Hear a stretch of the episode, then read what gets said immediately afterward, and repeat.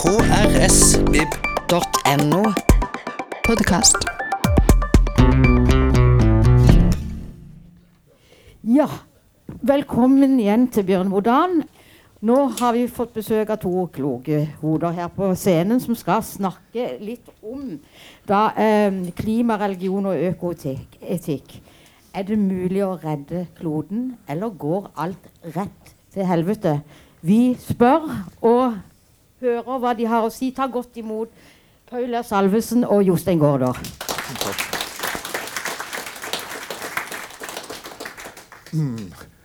Jostein og jeg har fulgt hverandre i mange år. Vi har bl.a. en felles fortid i det kristne skolelaget. Hvor vi presterte omtrent på samme tid å bli mer eller mindre utvist fordi vi inviterte folk som ikke burde være der. Jostein i Oslo med Jakob Jervel, jeg her med Christian Schjelderup.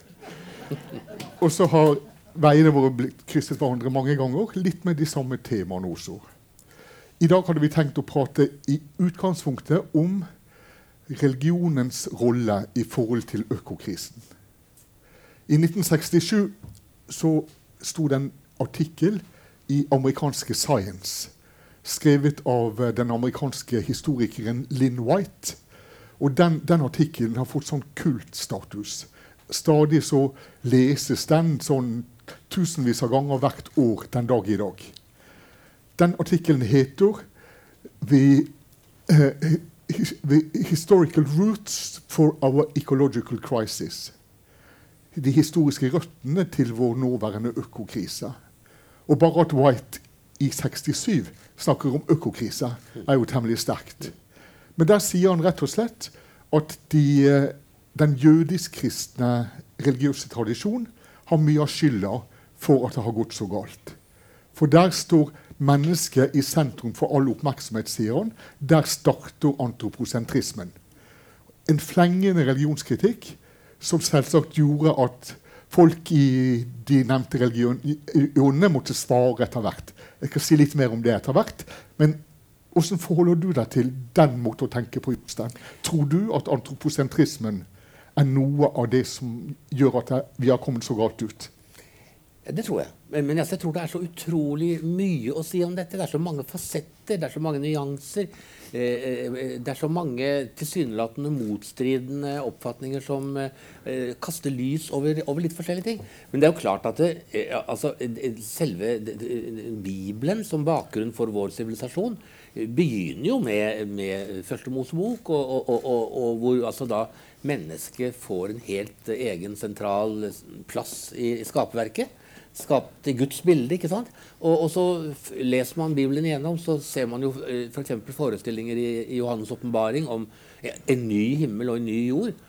Uh, og jeg, mener, jeg har møtt levende mennesker i dag som, som eh, eh faktisk eh, liksom trekker på skuldrene av klimakrisen. Altså, det finnes religiøse, evangeliske miljøer f.eks. i USA som teller ganske mange mennesker som altså rett og slett mener at det, det er ikke så viktig. Altså, bare bruke en metafor. Mm. Eh, det var den gangen da, da, da altså eh, jeg hadde en sånn gammeldags datamaskin, sånn som en sånn dobbel diskettstasjon. Sånn med sånne floppy-disker. ikke sant? Og det var veldig, veldig moderne 1984. Og jeg den gangen, forferdelig, da, da røyket jeg når jeg satt og jobbet. Men det, det, er veldig lenge siden jeg sluttet med det. Men uansett, da plutselig så oppdaget Siri, min kone, at når jeg satt i dette store rommet med datamaskinen, så røyket jeg ikke. Og så, det var fordi jeg hadde lest at eh, tobakksrøyk kunne skade diskettstasjonen. eh, og, og, det er litt komisk. Altså, jeg, det er faktisk tilfellet jeg rørte jeg, og, og, poenget er jo da det at det jeg liksom tenkte, er at det, eh, eh, det som jeg jobber med der, altså, det, det, er jo ikke noe timelig. Altså, mine lunger er noe timelig. ikke sant? Og det er det jeg mener. Altså, at eh, Hvis man betrakter liksom, skaperverket, da, for å bruke et sånt ord, som en timelig innretning, eh, som det ikke er så farlig med fordi at det skal skapes en ny himmel og en ny jord, ja, da mener jeg at det er et eksempel på at det, den typen hva skal jeg si, eh, religiøse eh, forklaringer den, de, de, de, da, må, da, må, feltet eh, økokrise sekulariseres. Altså Vi må ha felles plattformer hvor vi diskuterer sånne spørsmål, og hvor, hvor vi må se at det er helt altså Alle får tro som de vil, Men vi kan ikke i vår forvaltning gjennom internasjonale organer osv. Vi kan ikke liksom ta med oss det inn i møterommet. Det er irrelevant. Det, det, og, og, det gjelder jo selvfølgelig ikke bare denne typen hva skal jeg si, eh, evangelisk fundamentalistisk fanatisme. Slett ikke. Det finnes også andre eh, trosgrunner. Eh. Helt enig. Og det er et godt eksempel på at religionskritikken er en forferdelig viktig del av en teologi, f.eks. Eller et kirkesamfunnsvirksomhet. Det hører med det også, i aller, i aller høyeste grad. Eh, nå, nå, mener vel jeg at det alltid har vært to tradisjoner i forhold til i forholdet mellom menneske og natur. I, både i jødedommen og i den kristne kirkes historie. Begge deler finner man faktisk i Det gamle testamentet. Det er nemlig en annen skapelsesberetning som er, er eldre. Og der ikke sant, Adam formes av jord. Adam betyr jordmenneske. Adam er jord. ikke sant? Og da, da er vi mye mer bokstavelig tatt down to earth. Og Gud er en form for pottemaker som former av naturen. Og de som står for en alternativ måte å tenke på i dag, med sånn økoteologi, de er jo veldig, veldig glad i den, den, tradisjonen. Men samtidig mener jeg at Lindberg har et veldig viktig poeng. At antroposentrismen, det at mennesket står i sentrum, og så ser man på resten av naturen som en type spiskammers ressurser for mennesket, det har vært ganske ødeleggende. Og eh, vi hadde for litt siden et møte hvor som Human-Etisk Forbund var til stede om disse temaene. Og der var det virkelig sånn at humanistene også sa ja, dette har vi også bidratt til. Dette er ikke bare i den religiøse tradisjonen. Dette, dette er en vestlig forestilling ja. om mennesket som som vi må komme til rette med. Jeg skal til å si Det fordi det, eh, det, går jo ikke an å si at hva skal jeg si, eh, vi har kommet helt skeivt ut pga. vår åndelige ballast gjennom det bibelske materialet osv. Det er jo en annen eh, vesentlig bakgrunn for økokrisen ikke sant? og klimakrisen. Og det er vår menneskenatur. Altså, og den, den, den er universell. Den er faktisk eh, hevet over eh, altså Selvfølgelig finnes det animistiske kulturer som har en praksis som eh, er mer naturvennlig. ikke sant? Det er klart det gjør det.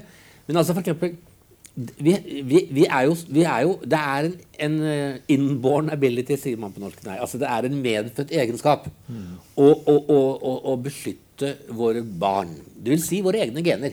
Mm. Og, og vi beskytter våre barnebarn. Og vi er vel også skapt for kanskje å uh, holde orden på gården og, og, på naturen der vi bor, med tanke på våre oldebarn. Men vi, er, vi, er, vi, har ikke med oss som en medfødt egenskap å passe på våre egne gener. Mm. Om åtte generasjoner, om 16 generasjoner. Det er noe vi må lære. Ja. Akkurat som vi har måttet pugge denne listen over menneskerettigheter. For de er heller ikke noe medfødt. Altså, det, det, er no, det, er ikke slik at vi er, er, født med at det å, å sparke til en hund, f.eks., det, det er en, en, en, fryktelig synd. Det er noe som kulturen har på en måte lært oss. og vi må jeg, jeg tror veldig på det her læringspotensialet, og, og, det mener jeg at det, vi ser eksempler på at f.eks. Kirken gjerne er med på. Det er mange ihuga sjeler i, i, forhold til dette med klima og, og, og miljø og ja, biologisk eh, mangfoldkrise, ikke sant? Mm. Så jeg, jeg eh, så, så, ja, vi, vi, Du nevnte Human-Etisk Forbund. Altså, vi, på det, det, som skjer nå, så må vi eh, liksom vi, vi, eh, ha med oss alle gode humanetikere, alle gode kristne og muslimer og buddhister. Og, ikke sant? Og, men, men vi, det, er, det, er, visse ting vi må parkere før vi går inn i møterommet. Akkurat sånn som våpenhus i, i, kirken i gamle dager. Så legger vi liksom akkurat eh, det, det, får være noe veldig privat om man tror at det skal komme ny himmel og ny jord. Liksom. Det kan vi ikke legge på dagsorden. Nei, altså det, du, du, har helt rett i at den forestillingen er blitt brukt passiviserende når det gjelder etisk aktivitet, for ikke å snakke om politisk aktivitet på, på flere forskjellige arenaer. Og jeg tror du også har rett i at, at der hvor man virkelig ser dette litt sånn i sitt mangfold nå, det er blant uh, evangelikale kristne i USA, men faktisk også i, i Latin-Amerika og i afrikanske land. Der står disse her, eh, bevegelsene veldig sterkt. Alternativet ser du faktisk nå langt på vei også i den katolske kirke.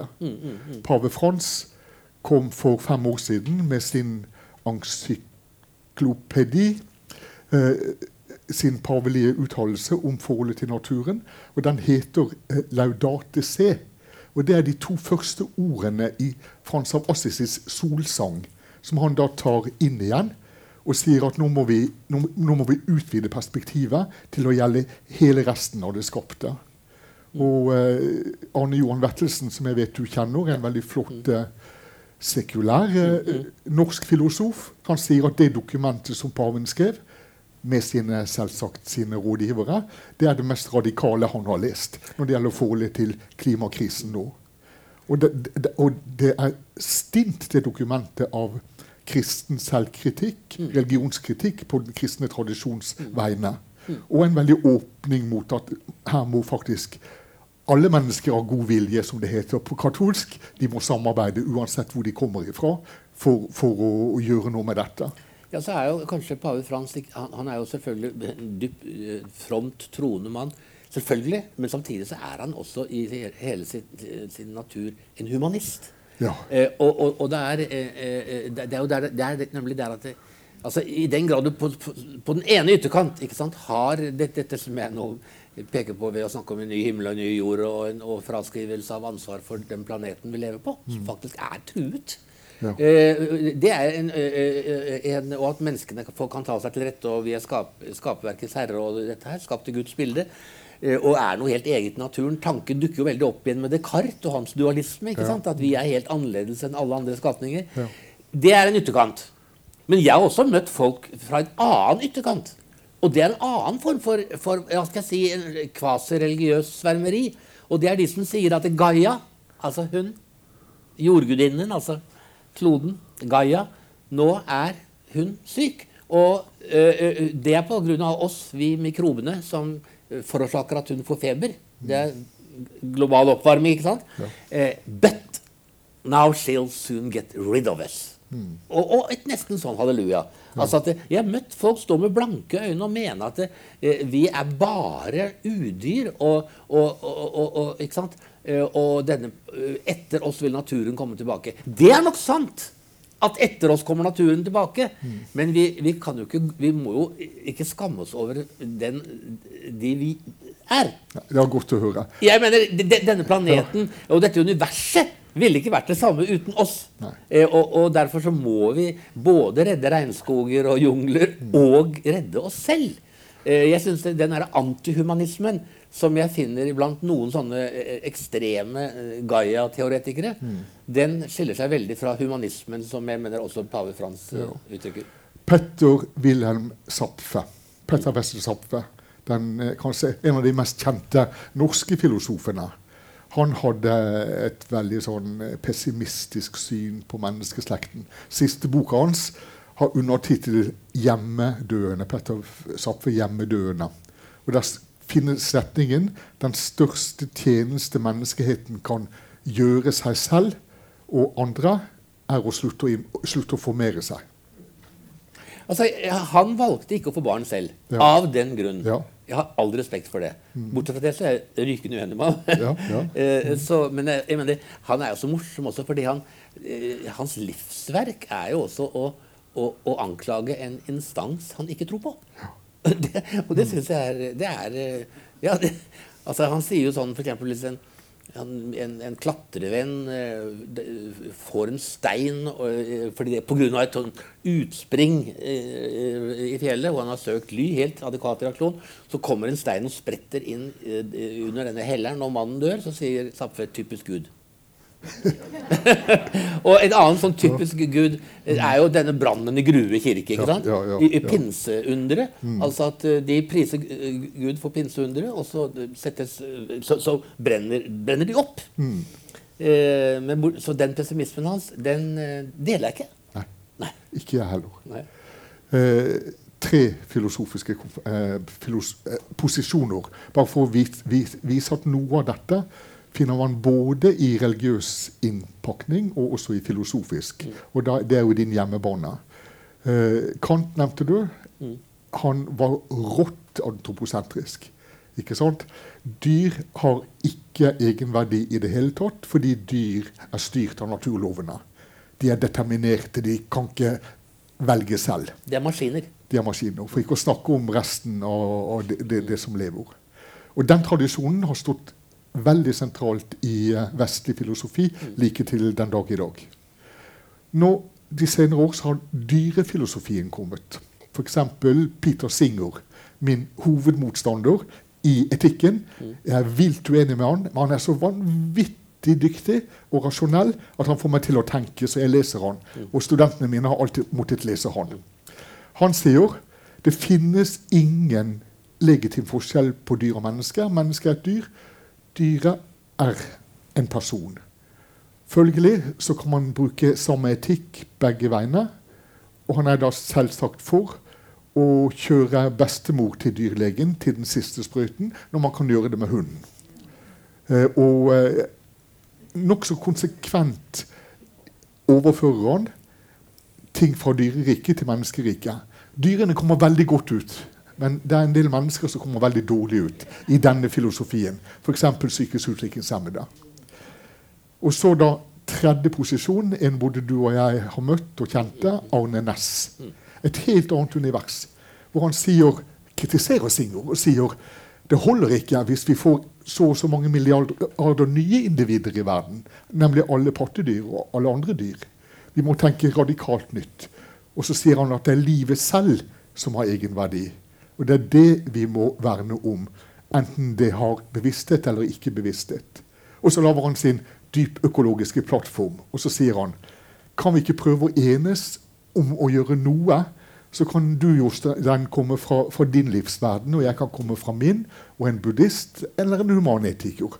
Og så kan vi prøve å finne noe som vi står felles om. Den dyp økologiske plattformen. Du jo, husker den? absolutt. Men, og, og, og, jeg mener, det er klart at han, eh, han er jo så, så radikal i sin dypøkologi ja.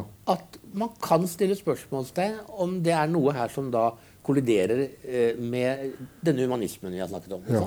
Ja. Eh, og, og eh, iallfall han refererte til noe som da eh, mener at man kan behandle mennesker som dyr. Da, ikke sant? Jeg mener at vi er, vi, vi er Men på den annen side så har vi fått en større og større forståelse for uh, hvor, uh, hvor ja, hvor smarte mange dyr er. Hvor, og, og, hvor rikt følelsesliv de har. Og noe av den største, eh, mest skamfulle vi gjør i vår sivilisasjon i dag, på global basis, det er vår behandling av dyr. Altså Det i seg selv å, å, få en bevissthet om altså Vi påfører jo dyr smerte på det mest bestialske vis. Mm. Og en annen ting er det jo det at det, altså Nå husker jeg ikke akkurat fordelingen, men en, en god del av, den, av, altså av eh, det animalske biomassen i, i, verden i dag er jo mennesker.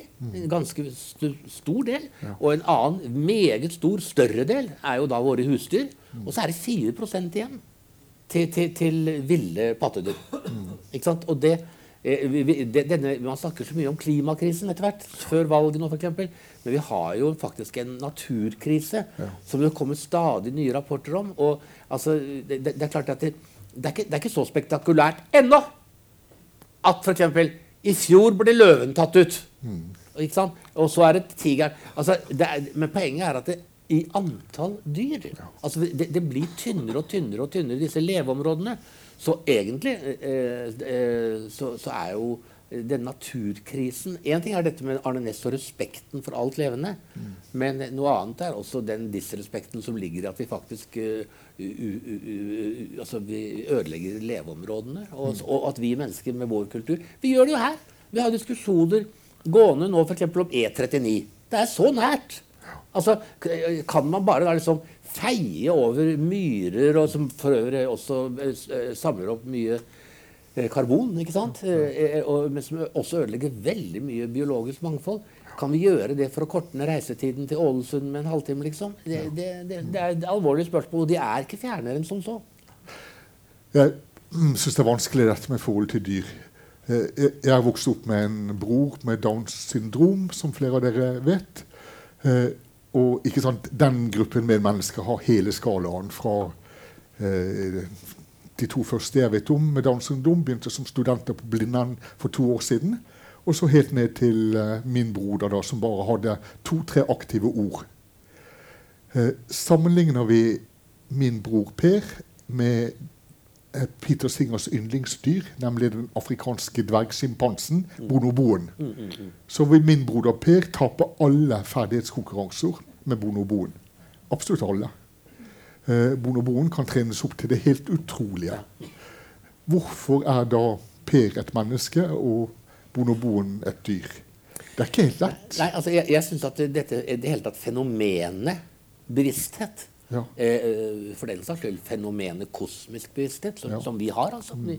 Det, det, det, dette universet oppsto med det store smellet for 13,8 milliarder år siden. Eh, og så kan du si at eh, nå har vi en bevissthet om dette store smellet. Eh, Som jeg skrev et eller annet sted en gang. Eh, applausen for det store smellet kom først 15 milliarder år etter at det smalt. Ja, ja. og, men jeg mener, ikke sant, Hva er bevissthet? Er det en, noe som har oppstått liksom helt eh, vilkårlig, eller er det et uttrykk for noe, noe essensielt ved dette universets natur? Ja. Og der, for å gå til dyr igjen, Ja. så er vi faktisk ikke alene om å ha selvbevissthet. Det er noen få andre arter, f.eks. kråkefugler, som når de ser et, eh, seg selv i speilet, så- og man f.eks. har tatt et lite rødt merke på nebbet til fuglen, så, så skjønner kråka at dette her er meg. Ja. Mens de aller fleste dyr, absolutt de aller fleste, unntatt noen delfiner og, og, og, og bonobono menneskeaper, Ja. så vil de bare erte opp speilbildet eller sette i gang noen paringsleker eller et eller annet Ja, sånt. ja. Og det, eh, så jeg mener eh, det, Og ikke bare det, men jeg mener, jeg mener Når vi har sett i naturen denne hva skal jeg si, naturlige oppdriften mot en, en, en bevissthet eh, Det er kanskje et universelt prinsipp. Altså Tenk på kråkene. Da må vi gå noen hundre millioner år tilbake før fugler og pattedyr skiltes. Men, men altså, blekksprutene det er utrolig fascinerende. Ja, ja. De, har, altså, de er superintelligente. Eh, og, og da snakker vi om bløtdyr! Altså, vi, vi må jo tilbake til den kambriske revolusjonen, altså for 500 millioner år siden. Fordi det altså har bevissthet oppstått i, i naturen. Og dette er litt viktig. Bevissthet har oppstått uavhengig av hverandre. Utallige ganger. Ja. Akkurat som synet. Og dette er teologisk relevant. Fordi sånn sett så er ikke mennesket liksom eh, det, det eneste i skaperverket som har en sånn hva skal jeg si, guddommelig gnist. Det er flott. Jeg har en eh, kamerat og kollega i Oslo som er professor i filosofi, og som er eh, Max materialist, kaller han seg. Fullblodsmaterialist. Så vi er litt på avstand fra hverandre, for å si det sånn, men vi har lagt oss til den vanen at vi leser hverandres tekster og kritiserer dem. Og Det har vært veldig nyttig for meg. Han sier at han klarer seg fint med materialistiske forklaringer på alt annet enn bevisstheten.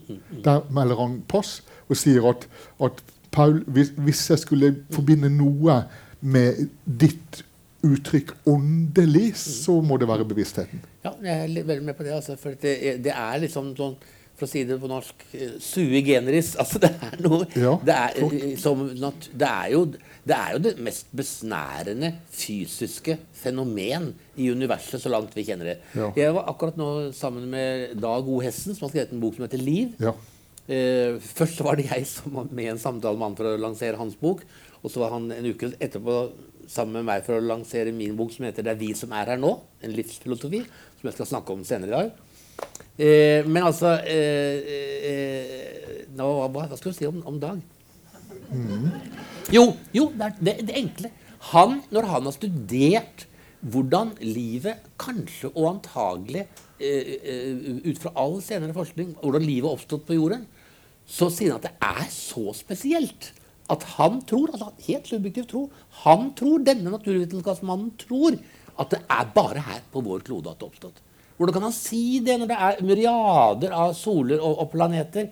Eh, ja, men det er så mange ting som, som må ha skjedd samtidig. Altså, det er ak akkurat som sånne høna og egget samtidig ganger med 1000. Altså, dette, eh, det, Hans argumentasjon kunne rett og slett til, eh, brukes av sånne kreasjonister som, som ikke sant, snakker om intelligent design. Ja. Det tror jo ikke han på. Nei. Fordi han er som den gode og sunne naturvitenskapsmannen han er. Reduksjonist. Altså det, noe annen naturvitenskap kan vi ikke ha. Men han mener faktisk det. Jeg spur- Jeg spurte ham hva sitter du her og sier? Tror du at det bare er her det finnes levende liv? Og, og han svarte ja på det, altså. Er sterkt. Ja. Sterkt å høre at han også tror på noe. Ja. ja. Ja. Men altså, ikke sant, altså, den måten å jobbe på, den, den er der jo i alle fag. Vi kaller det gjerne metodologisk ateisme. Ja, det er jo det. Som, som, så, sånn må mm, eh, vitenskapen eh, arbeide. Faktisk også filosofien og teologien arbeider på den måten med den samme metodikken. Eh, og så kan vi være normative og fortelle om hva vi tror, og hvordan vi konkluderer, på et, et annet nivå. Det er, det er veldig riktig, det der. For Dette har lange tradisjoner òg. Ja. Altså, eh, vi, vi må være ikke sant, metodiske eh, eh, ateister. Ja. Altså, vi, som jeg brukte det uttrykket med, eh, vi legge fra oss trosforestillingene på et våpenrom. Det I virkeligheten var det jo motsatt. Man la fra seg våpnene i våpenrommet, Ja. og så gikk man inn i troens rom. Men jeg mener altså at det, det er noe der. Eh, eh, så Altså, jeg husker Jeg husker jeg, Får lov å ta en anekdote, bitte liten? Jeg var på et, øh, satt i en, en hotellobby sammen med en astrofys nei, jo, en astrofysiker og to atomfysikere. Så stilte jeg et spørsmål tror dere at eh, bevissthet er en kosmisk tilfeldighet. Eh, cosmic coincidence. Ikke sant? Og så de, de var nesten litt flaue på mine vegne at de ikke hadde stille så naivt spørsmål. Mm. så de sa ja, men svar, da. Ja. Ja. ja. Og så ble vi sittende og prate da, eh, over et glass vin eh, eller to. Eh, og da eh, et, stilte jeg spørsmålet igjen, men, men svar nå igjen. Tror dere at bevissthet er en kosmisk tilfeldighet? Nei. Nei. Nei. Det syns jeg er litt morsomt. Det er veldig god. Eh, no, noe av, eh, av det religionene har levert til verden, til det sekulære, er jo et språk. Og eh, både du og jeg kjente Inge Lønning. Jeg husker veldig godt en forelesning han holdt, der han sa at eh, det var mange fordeler med at sjelelæren ikke lenger er allment gods i vårt samfunn. Den viktigste fordelen er at man ikke, ikke lenger deler opp dualistisk i kropp og sjel. Men ulempen er at man ikke lenger har språk for det alle mennesker har felles, uansett hvor på skalaen de befinner seg i funksjonalitet. Ikke sant? Min broder Per og jeg hadde sjel i akkurat samme grad. Og det, det, det, det er noe helt fantastisk viktig. Og, og dette er noe som en kanskje savner litt i moderne filosofi. Altså et, et alternativ som virkelig kan si noe om noe iboende som er der uansett. Ja, det er vel veldig enig. Altså, jeg, bare, eh, jeg har jo også eh, erfaring med dette fordi Siri, altså min kone, Ja. har en, en eh, bror med Downs syndrom. Ja, det husker jeg. Så, så den det opplever at han har selvfølgelig like mye sjel som meg, det er helt enig Ja. mm. uh, så det, det er Nei, men det, det er jo dette som jeg faktisk da vil eh, Jeg bruker dette ordet mange ganger. Humanisme. Ja. Eh, og, og det er ikke i betydningen altså noe ikke-religiøst. fordi det, det er jo veldig mye humanisme i religion, og ikke minst i kristendommen. Jeg kan ikke tenke meg noe tydeligere eksempel på eh, eh, på humanisme enn, enn rett og slett Jesus-skikkelsen. Altså. Han, han er jo altså, Mennesket er ikke til for sabbatens skyld. Altså, du kan bare ta mange sånne formuleringer. Eh, og, og, og, og, og Ja, det var altså, det, man, man, man helbreder jo ikke på sabbaten, men, men det gjorde han, altså. Ja, ja. Så eh, Nei. Og nett, nettopp i det ligger det jo en enorm religionskritikk ikke sant, fra Jesus fra Nasarets side. selvfølgelig. Absolutt religionskritikk. ja. Du, jeg husker at vi i ungdommen flere ganger eh, snakket om døden. Mm. Er du redd for å dø nå, som bestefar? Nei, altså, jeg, det kan jeg faktisk, faktisk svare ordentlig på. Ja. Uh, uh, og, det er jeg, jeg, hadde en nesten vil jeg si, patologisk angst for døden da jeg var kanskje sånn eh, 17-18-19-20 par og 20 år. Uh, det har jeg overhodet ikke lenger. Men jeg har en sorg knyttet til at vi er her bare på et kort besøk, og vi kommer aldri mer tilbake. Det, er, det er ikke tilfeldig at jeg kaller den nye boken min 'Det er vi som er her nå'. Sant? For det er det jo. Nei, så jeg mener det, det, det er eh, Men der, jeg mener at jeg er på, på jakt etter, og mener at jeg til viss grad virkelig finner eh, det jeg, nevnte som en forsoningsdimensjon. fordi at det, hvis jeg eh, eh, eh, hadde to knapper å trykke på her, og hvis jeg trykket på den ene, så ville jeg dø umiddelbart. Men til gjengjeld så ville jeg da ha en garanti for at eh, d- denne planeten ville heles og leve i beste velgående uh, langt fremover. Eh, Alternativt trykke på en knapp hvor jeg skulle leve i beste velgående til jeg ble 120 år, så ville jeg ikke nøle. Jeg ville trykket på den og dø her og nå. Ikke som en offer, ikke som noen plikt. Men for, fordi at jeg, det, jeg snakker om noe som er Jeg har en større identitet enn denne skrotten som sitter her. Jeg vil faktisk si at jeg gjør felles sak. Og dette, virkelig, det, dette er ikke noe føleri, altså. Jeg, jeg, jeg mener at jeg, jeg har en hjemstavnsrett til denne naturen og denne planeten. Også lenge, lenge lenge etter at, har, at mine personnummer og, og, reisedokumenter har gått ut på dato. så, så, så, det å være innom her som vi er, vi er på denne planeten, det er noe vi skal være litt sånn stolte over og ha vært med på. Og vi skal få egentlig være med på denne reisen etter at vi selv ikke lenger er mannskap. Så bra. Eh, Epikur, som både du og jeg har skrevet om. Hvorfor er folk så redde for døden, spurte han. Når døden kommer, er jo ikke lenger jeg her. Og så lenge jeg er her, finnes ikke døden. Det var hans løsning. Den har i alle, i alle år vært en sånn grusom løsning for meg. Eh, fordi, ikke sant, altså da, da, er jo dette individet, epikur, mutters alene i verden, i universet. Det finnes ingen relasjoner der. Eh, jeg er ikke redd for å dø, men jeg er livredd for å miste kjæresten min, kona mi, barna mine, barnebarna mine, vennene mine. Altså, der er jo min dødsangst. Den er, den er relasjonell. Kjenner du det igjen? Ja, altså, men, men, men, jeg er jo som sagt, jeg, Vi brukte ordet angst. Jeg sier at det, det, opplever jeg ikke i forhold til mitt eget liv. Ja. Men, jeg, men, jeg, har en ja, dyp angst for at ikke vi skal klare å komme gjennom denne ja. krisen, naturkrisen og klimakrisen vi er oppi nå. Mm. Fordi det er så mye av, av, av, som jeg, jeg, har gjort felles sak med ja. uh, i den forbindelse. At jeg uh, Nei, så jeg jeg, jeg, jeg, savner egentlig dette jeg nå snakker om, som en slags motivasjon bak miljøbevegelsen. Vi, vi er jo litt sånn, litt sånn Vi er litt hva sier man, kognitiv dissonans. ikke ja. sant? Vi gjør ting. Det er omtrent som Paulus som sier at det jeg vil, det gjør jeg ikke, og det jeg ikke vil, det gjør jeg. ikke sant? Mm. Eh, og, og, og, og vi, vi, vi, vi, gjør mange ting som vi egentlig eh, kanskje får dårlig samvittighet for. Oss. Bare tenk på, siden vi er i en sørlandsby Alt folk Fy søren, folk kan finne på å kaste over bord. Ja. Bare ikke det blir sett. ikke sant? Mm. Og da mener jeg at hvis man, hvis man føler liksom det at det, ikke bare jeg er i verden, ikke jeg bare er på denne planeten Jeg er en del av dette mm. mysteriet. Ja. Verden. Og da, da, får man liksom litt, litt, mindre lyst til å hva skal jeg si, søle på seg selv. Mm. Og, og, det er jo snakk om å redusere no, no, no, noe av altså vi, vi, vi, mister av, noe av dybden i oss selv når vi reduserer og degraderer naturmangfoldet. Mm. Det, det, er, det, er, for meg blitt noe opplevd. Noe, noe, for å bruke et sånt uttrykk, noe som har blitt mer og mer inderliggjort eller internalisert. Mm.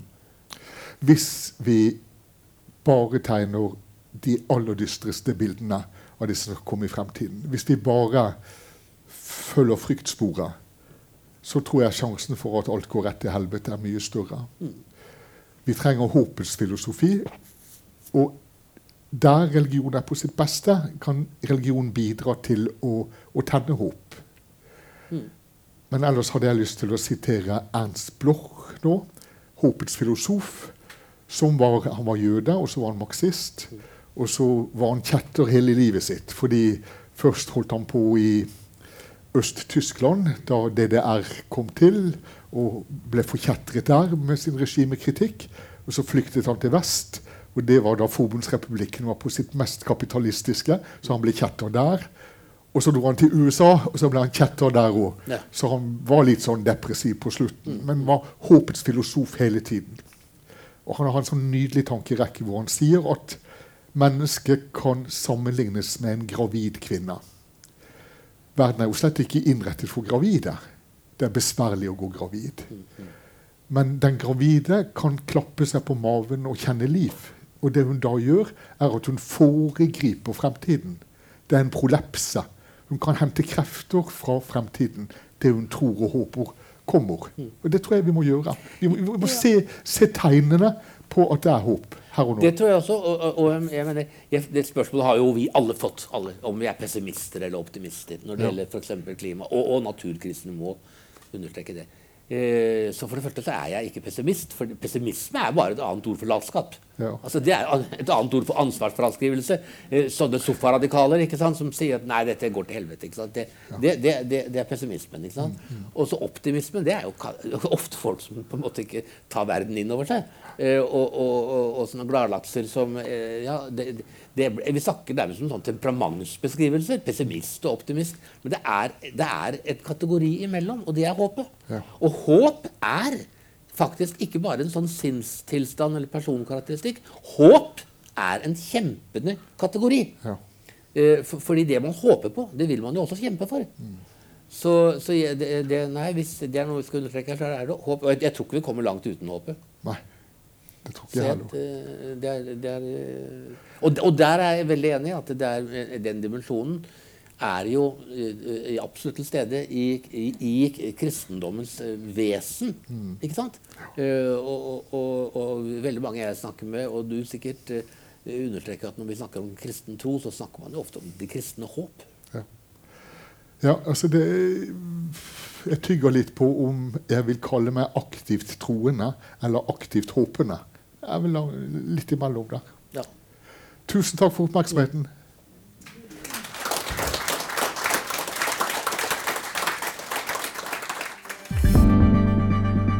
Flere podkaster fra oss finner du på Google Podkast, Apple Podkast eller iTunes, eller ved å stikke innom vår hjemmeside på krsbib.no.